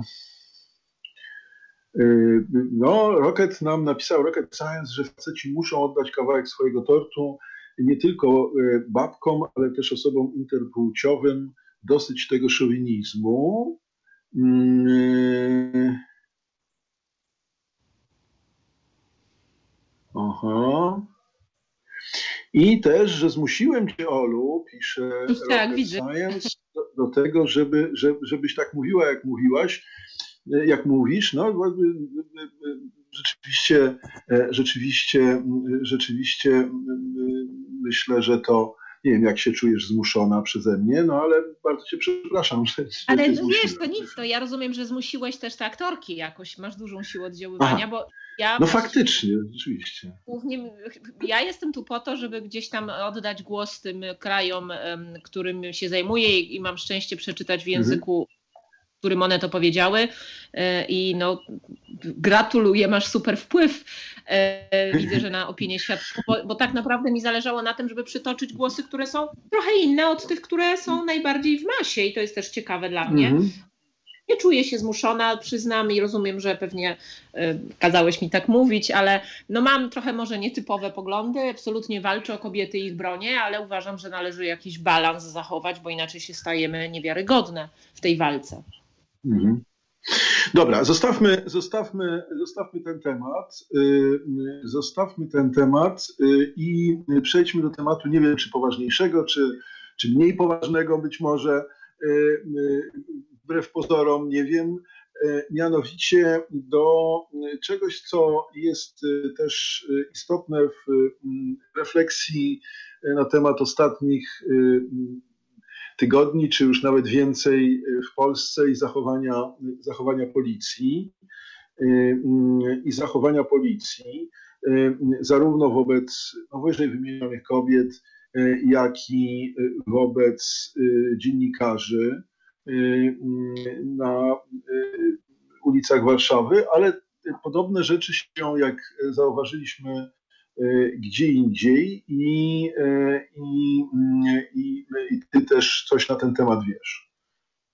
Tak, tak. To znaczy, właściwie w paralelny sposób e, rozpoczęła się dyskusja i nawet manifestacje i we Francji, i w Belgii na temat zachowań policji. Zacznę od Francji. E, no jest to też bardziej taki głośny mm, e, przypadek z takiego powodu, że Francja 24 listopada Sejm przyjął nową ustawę na temat, to się nazywa prawo mm, ochrony, loi de sécurité się to nazywa po francusku. E, jest to mm -hmm. prawo, że tak powiem, ogranicza możliwości udostępniania wizerunku złego policjanta. To znaczy, są pewne ograniczenia w na przykład filmowaniu akcji policyjnych, staje się to niedozwolone. E, również jakieś, e, jeżeli ktoś prywatnie przechodząc, nie wiem, nagra jakąś, e, jakąś relację, no to może zostać za to ukarany, jeżeli z tej relacji wynika, że policjant zachował się nieodpowiednio. I parę dni po tej, po tej sytuacji, po, po tej sytuacji, po, po uchwaleniu tego prawa we Francji, w Paryżu, co jest też istotne, w Paryżu, no, wydarzyła się sytuacja y, bardzo godna potępienia, mianowicie policjanci y, pobili, właściwie zmasakrowali y, czarnoskórego muzyka. Pretekstem do mhm. zatrzymania był to, że, było to, że nie miał maski, no, a noszenie maseczki jest w tej chwili wszędzie, nie tylko w Polsce nakazane, natomiast no, oni go pobili dotkliwie, mm -hmm. masakrowali. No i reakcja tutaj e, mas ludzi, ludności jest taka, że w tej chwili są manifestacje w Paryżu związane z, z tym prawem i przeciw temu, e, sugerujące, jakoby policja się zachowywała nieodpowiednio, w sposób rasistowski i tak dalej. Policja francuska zawsze była znana ze swojej pewnej brutalności, tylko e, do tej pory mówiono o brutalności wynikającej no, jakby z ich postawy w stosunku do osób, które rzeczywiście złamały prawo i że nie należy dyskutować i tak dalej. Natomiast no, co innego jest, zostaje pobity e, człowiek tylko za to, że nie miał maski i było widać, bo jest nagranie, że jest to pretekst i ci policjanci zostali zawieszeni. Jest to istotne, że ci policjanci zostali zawieszeni, bo analogiczne sytuacje e, wręcz nawet powiedziałabym znacznie poważniejsze, ponieważ doprowadziły do śmierci dotyczące zazwyczaj imigrantów mają miejsce w Brukseli. I problemem ogromnym jest to, że tam ci policjanci zostają, e, te dwa już w tej chwili są takie postępowania konkretnie, są umorzone. No i oczywiście to też wzbudza ogromny protest i sprzeciw, a mu, pamiętajmy, że mówimy o tej Brukseli, która jest stolicą, prawda, europejską, stolicą powiedziałabym Unii mm -hmm, Europejskiej. Mm -hmm która y, myślę, że nam nie kojarzyłaby się tak bezpośrednio z tego typu incydentami. No ale to pokazuje, że y, temat brutalności policji i niestosownych zachowań no, jest tematem znacznie szerszym, znacznie wykraczającym poza granice na przykład naszego państwa. Mhm. No właśnie, to jest ciekawe, bo no masz rację, ja to też wielokrotnie mówiłem, że policja francuska jest y, jest y, mm, no takim powiedziałbym wzorem. To zresztą jest też ciekawe, bo ja zawsze o tym mówię przy okazji y, naszych, y, naszych polskich kompletnie zmitologizowanych i kompletnie nieprawdziwych wyobrażeń na temat Francuzów. My z kolei, tak jak mówiłaś godzinę temu o tym, że Francuzi mają słabość do, do Rosji, taką jak, jak sądzę, wymuszoną przez historię, tak my mamy słabość do Francuzów. E, i postrzegamy ich, ich przez pryzmat, e, ich przez pryzmat e, mm, no, czegoś, co nam się wydaje takie romantyczne, takie sympatyczne, piosenka, wino. Słucham? Przepraszam, tak ci weszło, elegancja Francja, nie? Taki termin. Tak, tak, tak, tak, tak, tak, tak, bardzo dobrze, tak, elegancja Francja, rzeczywiście, masz rację. Y, I, y, i, i, to, y, I to jakoś w nas bardzo głęboko tkwi.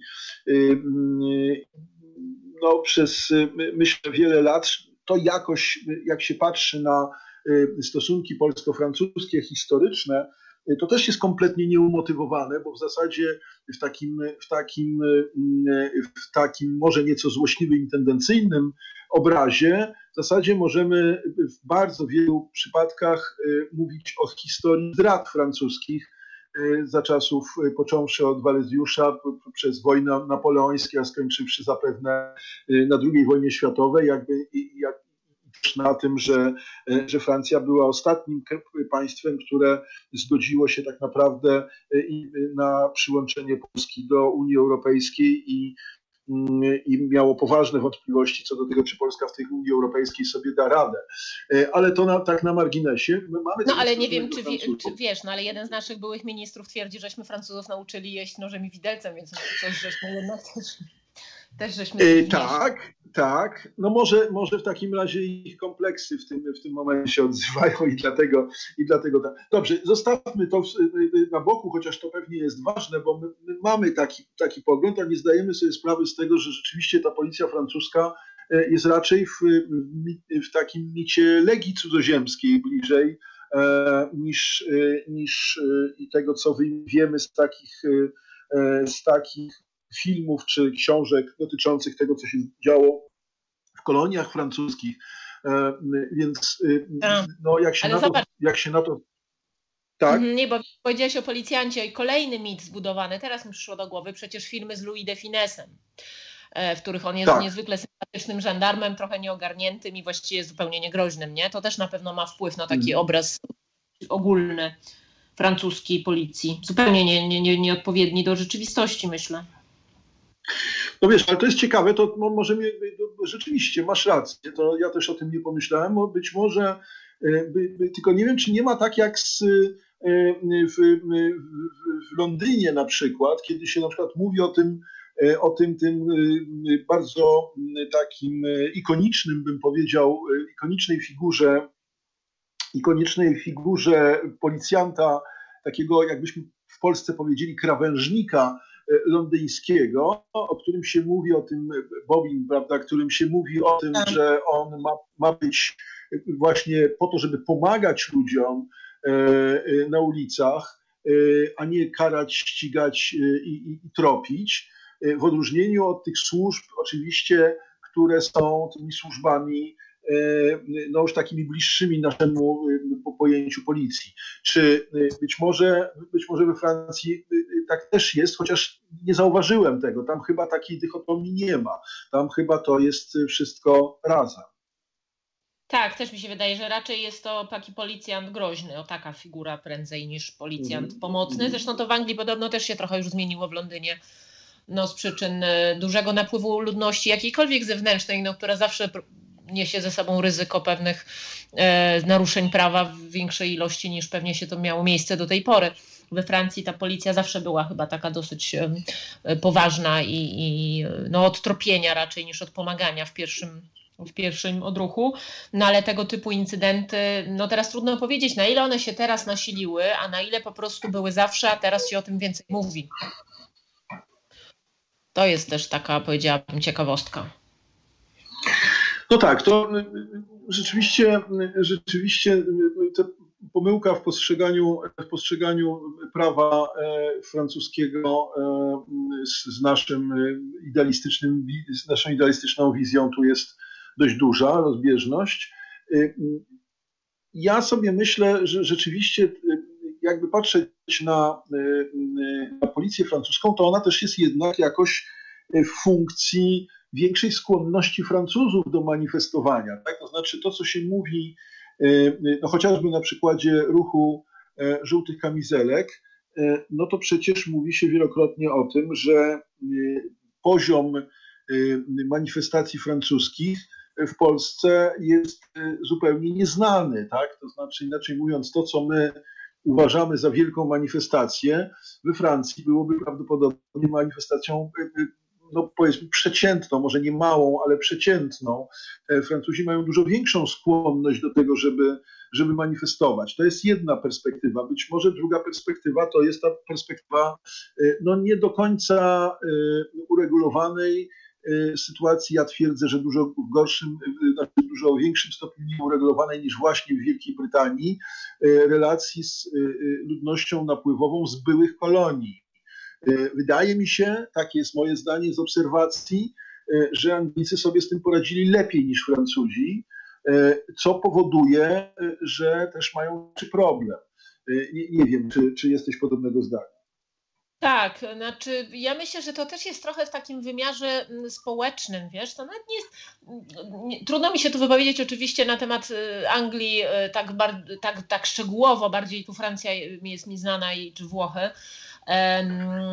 Francja sobie nie poradziła też na poziomie społecznym, nie tylko na poziomie policji czy władzy z problemem. No jednak Francuzi, czy nam się to podoba, czy nie, są kojarzeni również, jeżeli, jeżeli teraz wyciągniemy taki negatywny obraz Francuza, e, i na przykład spotkałbyś się z ludźmi, którzy mieli jakąś styczność z Francuzami, ale oczywiście no, wyrywkowo, no bo załóżmy mieszkając w Polsce na przykład, tak, poznali jakichś ludzi, to mhm. niestety często te opinie są negatywne na temat Francuzów, że są rasistami, e, że są, mm -hmm.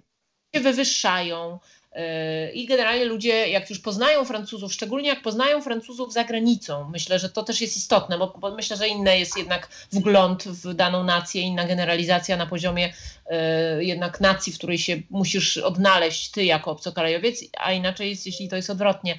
I ten, ten obraz się pewnie potęguje właśnie poprzez takie ruchy policji. Y, no, mhm. powiedziałabym, że nie tylko we Francji podejrzewam tak, tego i w Belgii tego typu sytuacje mają miejsce, ale w tej chwili we Francji i w Belgii się o tym bardzo dużo mówi. Tak bym to ujęła. E, czy w Londynie? Pewnie tak. Nie wiem, czy to nie jest też troszkę tak, że zupełnie inne, jednak relacje kolonialne angielskie i francuskie były bardzo tak. różne. I to myślę, że tak jak ty mówisz, to ma ogromne znaczenie chyba do dzisiaj. Jak, jak to teraz się, jak to się teraz odwraca, tak?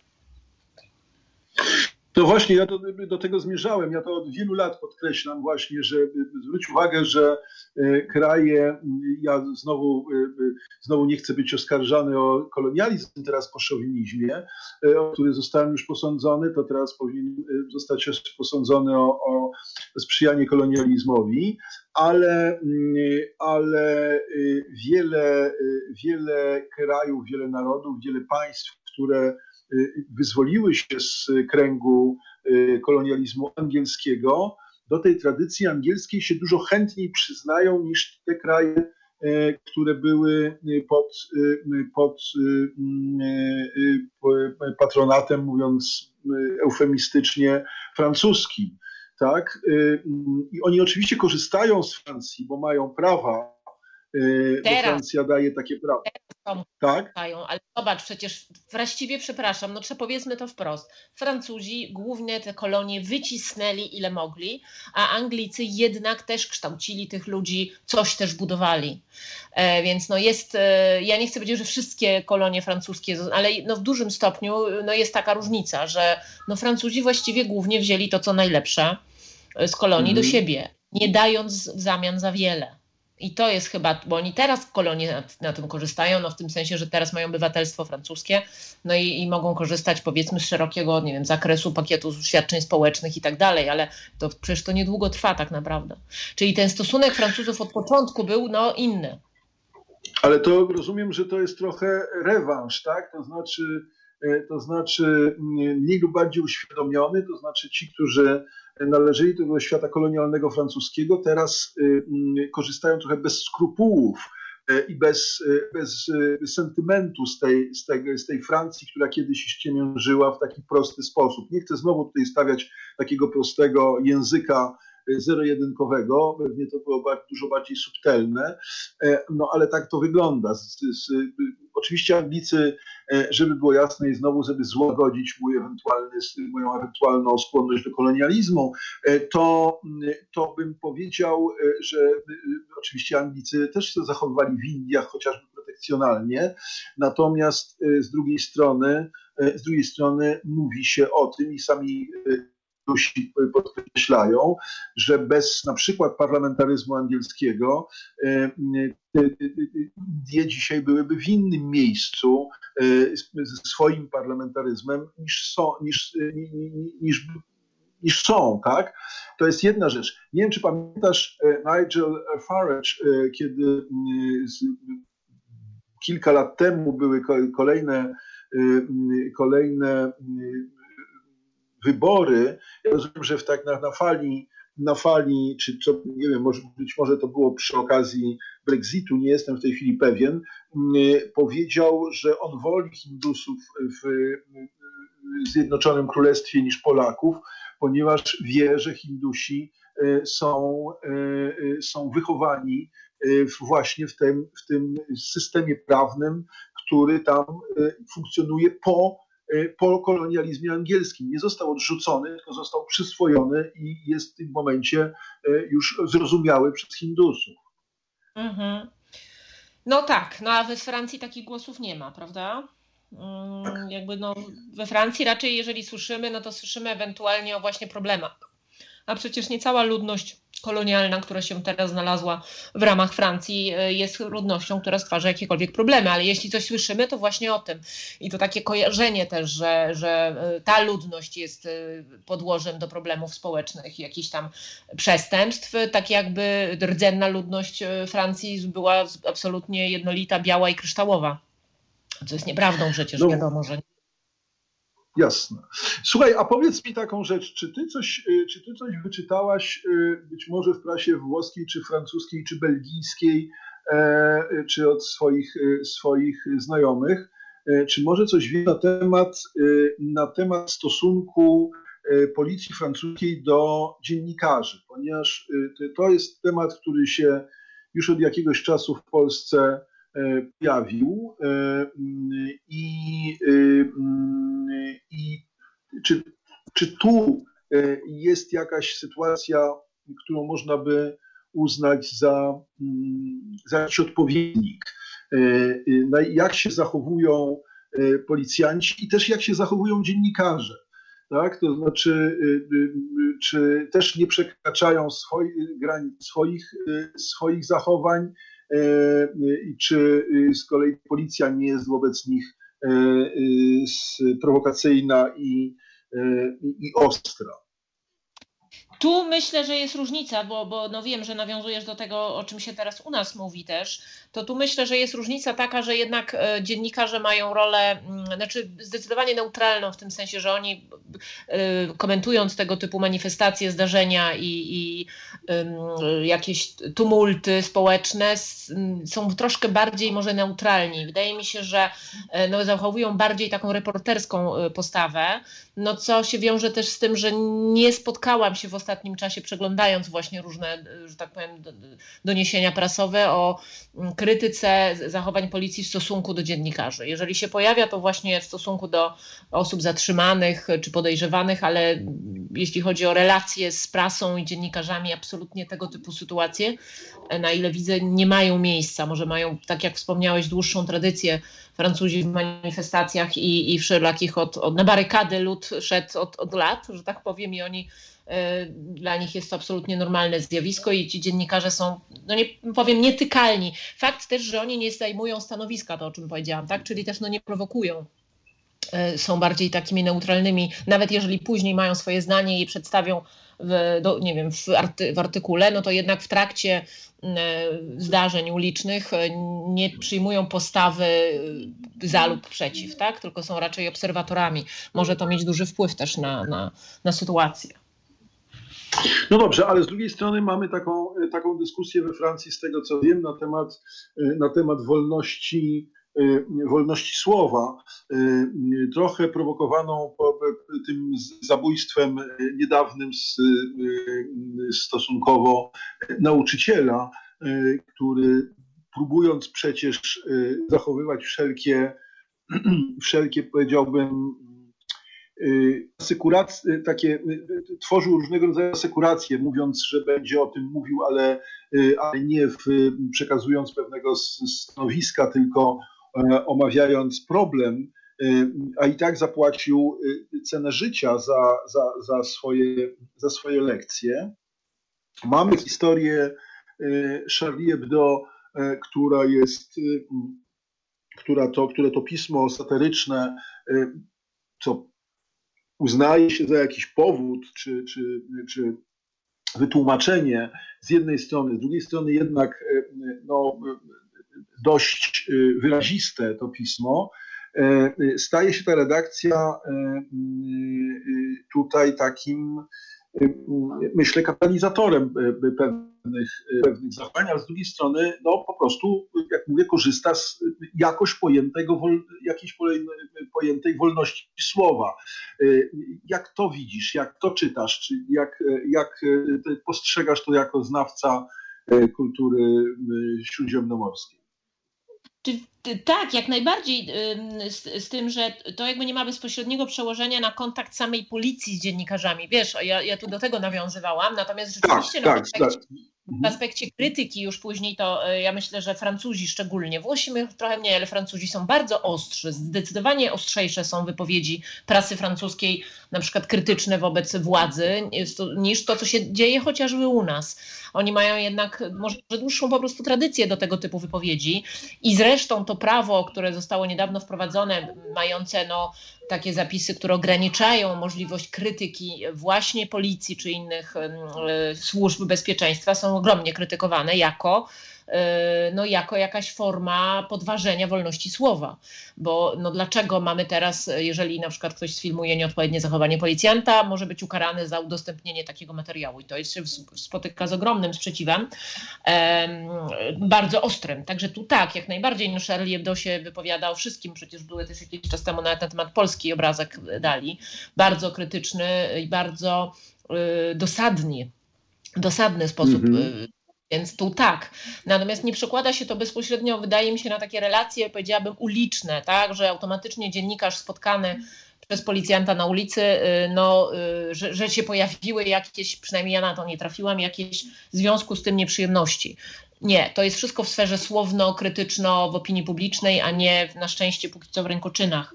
E, mhm. Co jest istotne, prawda? No bo jednak nie, no nadal trzymają jakąś formę wolności słowa i, i, i przekazu yy, byłoby przerażające, gdyby to się przerodziło w jakieś bójki i tumulty, w których uczestniczyliby również dziennikarze. No, takie jest moje zdanie. Tego nie ma. Tego nie ma.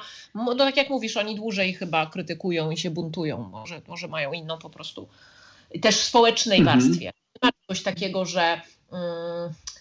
Jest pełne poparcie, jeżeli jest krytyka prasy w stosunku do działań policji czy władzy, to społeczeństwo się nie obawia również tę krytykę wyrażać dalej. Nie ma obaw takich, że to się będzie wiązało później z jakimiś prześladowaniami, reperkusjami czy czymkolwiek innym. No co na przykład, ja tutaj nawiążę, w jakimś tam stopniu widziałam takie głosy związane z jakimiś pomysłami strajków wszelakich w Polsce, na przykład przedsiębiorców, którzy się obawiają, że uczestnictwo w takim zdarzeniu mogłoby się wiązać później, no nie wiem, z jakimiś zwiększonymi kontrolami tej firmy i tak dalej, czyli że hmm. no, może za to y, mieć jakieś problemy co ogranicza w jakimś stopniu jego wolność wypowiedzi. No takie też jest moje zdanie i takie, tak, tak to widzą Francuzi. Tak ja to też odczytuję. Czyli rozumiem, że ta czwarta władza jest we Francji y, twoim zdaniem y, no, święta, tak? To znaczy y, w tym sensie, że w tym sensie, że rzeczywiście politykom nie przychodzi do, do głowy wykorzystywać policji ani samej policji, nie przychodzi do głowy wykorzystywać policji do do, do tego, żeby mm, no, jakoś y, mm, rozgrywać swoje interesy polityczne, tak? żeby podporządkowywać, podporządkowywać y, policji e, y, interesom partyjnym czy, czy, czy jakimkolwiek. Tak? Tu no myślę, że te obawy, o których. Mhm. Tak? Znaczy, wiesz, zawsze mogą być jakieś nadużycia oczywiście, bo to no niestety Jasne. jest ale raczej tak, że tak powiem, programowo raczej nie wygląda, żeby były tego typu tendencje. Słuchaj, a czy mogłabyś y, ewentualnie zanegować takie stanowisko, bo być może ono mogłoby się pojawić po drugiej stronie, jakbyśmy taki dyskurs prowadzili, że, y, że jeśli patrzymy na radykalizm, na ostrość sporu ulicznego we Francji, y, to, to być może jest to z kolei świadomie bądź nieświadomie prowokowane przez język dziennikarzy. Tak, bo mo, możemy spojrzeć na to z drugiej strony, czy ktoś mógłby spojrzeć, bo jest do wyobrażenia taki sposób myślenia, że mm, taki sposób myślenia, że, że oto ponieważ e, właśnie tak jak powiedziałaś, Francuzi się, jak to się ładnie kiedyś w Polsce mówiło, nie obcyndalają. E, e, to już słowo pewnie archaiczne i mamy już dużo mocniejsze na to. Nie obcyndalają się w, właśnie w ferowaniu różnych osądów politycznych, atakowaniu konkretnych osób itd., itd., to że to się przekłada na aktywność społeczną. Tak? To znaczy, że ta aktywność społeczna jest w ten sposób jakoś prowokowana, czy podsycana, czy, czy większa aktywność jest motywowana w ten właśnie sposób, że ostry język dziennikarzy, dosadny język dziennikarzy jest też przełożony na dosadne zachowania na ulicy. Czy, czy taka dyskusja jest y, y, y, możliwa, czy nie? Czy stwierdzamy, że możemy to zaryzykować? Bo być może jest tak, że alternatywą byłaby jakaś autocenzura, czy cenzura wręcz i koszt tej cenzury, czy autocenzury, czy ingerencji po prostu w dziennikarstwo, w wolne słowo byłby za duży, i nie chcemy go płacić w stosunku do tego, co ewentualnie można by osiągnąć w wyciszeniu języka, w wyciszeniu języka prasy i radykalizacji tłumu. No, się wydaje, że oni, i to są już takie ich osiągnięcia, których oni się nie wycofają, jakby sobie trochę nie wyobrażają. To, co my to odbieramy na przykład jako radykalne ruchy lub słowa, czy też wiemy, że często te protesty we Francji prze, prze, przybierają formę dość brutalną. Ona jest brutalna chyba z naszego punktu widzenia. Znaczy, wydaje mi się inaczej, ona jest bardziej brutalna z naszego punktu widzenia niż z ich punktu widzenia. To są pewne w ich rozumieniu osiągnięcia, które społeczno-obywatelskie, że mają prawo do takiej formy wypowiedzi i takiej i nie wydaje mi się, żeby ktokolwiek poddawał pomysł, żeby to zmienić, mając na uwadze y, łagodzenie na przykład sytuacji. Wręcz powiedziałabym odwrotnie. Dosadność wypowiedzi dla nich jest formą wyrażania swobód obywatelskich, no które tutaj dlatego, to jest ciekawe w kontekście tego prawa, no w jakimś tam stopniu jednak zostają ograniczone przez to nowe prawo. No czyli może ze strony władz następować to, co, o czym ty mówisz, taka próba złagodzenia, natomiast w rozumieniu społecznym i tym, co się przejawia w prasie, jest to odbierane negatywnie. Jakby raczej oni żądają mm. pełnych możliwości wyrażania się w taki sposób, jaki sobie życzą, nawet jeżeli jest to brutalne czy agresywne słownie. Mhm. Tak, tylko jeszcze się zastanawiam e, nad jedną rzeczą w tej chwili. Czy to, jak to jest motywowane? Czy to jest po prostu motywowane chęcią ochrony władzy, że władza postanowiła się ochronić w ten sposób? E, czy jest to, e, to byłby oczywiście bardzo zły mechanizm, czy jest to taka próba, czy jest to jakaś taka próba moim zdaniem nie, nie, nie rokująca dobrze, ale ja bym ją zrozumiał z punktu widzenia ideowego, taka próba z właśnie ukrócenia języka. e, dziennikarzy w, w, takim, w takim rozumieniu, że ten język dziennikarzy w jakimś przynajmniej procencie wyprowadza ludzi, czy doprowadza do większego stanu emocji społecznych. I, mhm. E, i Rozumiesz? I o, I o to chodzi. E, więc to są dwie różne motywacje. Jedna jest kompletnie do odrzucenia, pierwsza. Druga, mógłbym się nad tym zastanawiać, bo wtedy wchodzi w grę właśnie jakiś taki rachunek, co, coś bardziej demokracji, czy co się bardziej społeczeństwu opłaca, czy jedno, czy drugie. No wiesz, pytanie, co było pierwsze? Czy najpierw był agresywny y, język dziennikarzy, który wyprowadził ludzi na ulicę, czy odwrotnie? Czy ludzie wyszli na ulicę, a mhm. dziennikarze to skomentowali? Wiesz, to jest też ciekawe. A rozumiem, że zastanawiasz się nad powodami tego prawa, że to prawo zostało wprowadzone w jakimś stopniu, ono jest zdefiniowane jako forma y, zabezpieczenia mhm. władzy, ponieważ dzisiejszy dostęp, nie wiem, do dronów, chodziło też o to, żeby jednak władza czy władza, przepraszam, y, służby bezpieczeństwa miały w jakimś stopniu możliwość działania i nie były ograniczane, że każdy ruch, który mm -hmm. wykonuje będzie zaraz krytykowany, czy po, że będą od razu podejrzewani o jakieś rasistowskie czy inne pobudki.